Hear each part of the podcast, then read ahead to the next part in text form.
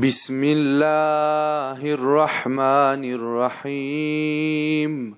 اللهم افتح لي فيه أبواب فضلك وأنزل علي فيه بركاتك ووفقني فيه لموجبات مرضاتك واسكني فيه بحبوحات جناتك يا مجيب دعوة المضطرین خدایا در این ماه درهای فضلت را بر روی من بگشا و برکتهایت را بر من فرو فرست و به آنچه سبب خوشنودی تو می شود توفیقم ده و در میان بهشتهایت جایم ده.